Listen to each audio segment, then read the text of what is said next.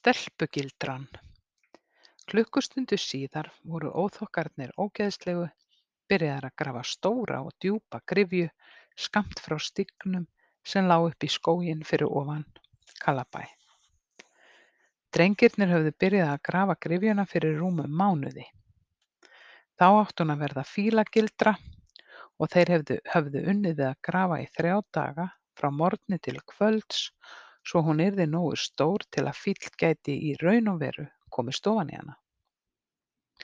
Þá höfðu þeir rifist mikið um það hversu stórir fílar væru. Egoni fannst ekki sérstaklega gaman að grafa og hann sagði að fílar væru ekki stærri en hestar. En Albert fullyrti aftur á móti að þeir væru stærri en strætisvagnar.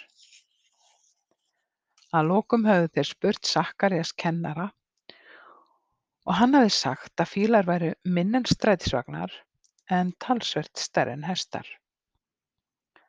En hafði hann sagt, ég er hræddur um að það verði mjög erfitt fyrir ykkur að veiða fíl hér, hér í Kalabæ. Fílar eru bara til í dýragarðinum og þeir sleppa næstum aldrei út. Mér er alveg sama, sagði Albert núna og neri saman lóanum. Mér er alveg sama um fílana. Hvað ættum við líka að gera við fíl? Þessir fílar borða sjálfsagt óskaplega mikið en það gera stelpur ekki. Nei, sagði Egon, og stelpugildra þarf heldur ekki að vera svo stór. Þegar drengjunum fannst gryfjan orðið nógu djúp handa meðalstóri stúlku, þöktu þeir yfir hana með greinum, dagblöðum og mold. Svo gengu þeir yfir á stíginn, settu þar upp skilti. Albert var betri í stafsetningu og skrifaði á skiltið til stelpnanna. Okkur finnst að þið eigið að fara þessa leið þarna. Og svo teiknaði hann ör sem vísaði í átt að gildrunni. Vá, en hvað við erum klárir, hrópaði Egon. Nú náum við í einhverja. Það getur verið vissum, sagði Albert. Við skulum bara fela okkur í skurðinum og sjá þegar þær detta niður í hana. Í sama bili marraði í mölinni spölkorn ofar á stígnum. Vá, hvíslaði Albert, nú er sú fyrsta strax að koma. Það er bara engin vandi að gera þetta svona. Óþokkarnir ógeðslegu stungu sér ofan í skurðinn og ráku svo hausana upp úr fíflabreiðunni. Það marraði aftur og skyndilega hrópaði einhver öskureiður. Datt mér ekki hug, hérna hafa þeir verið, litlu letingjarnir.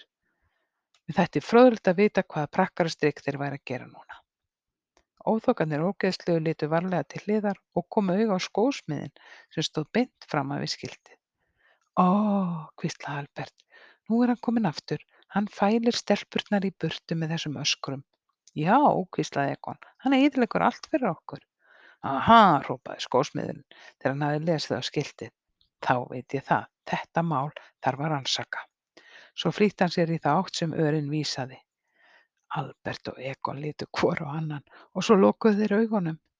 Það heyrðist hár brestur, síðan skellur og skelfileg óhljóð.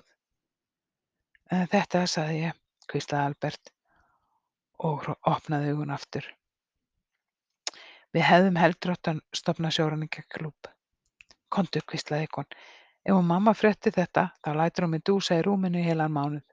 Og síðan hurfu óþokkarnir ógeðslegu báðir í grasið.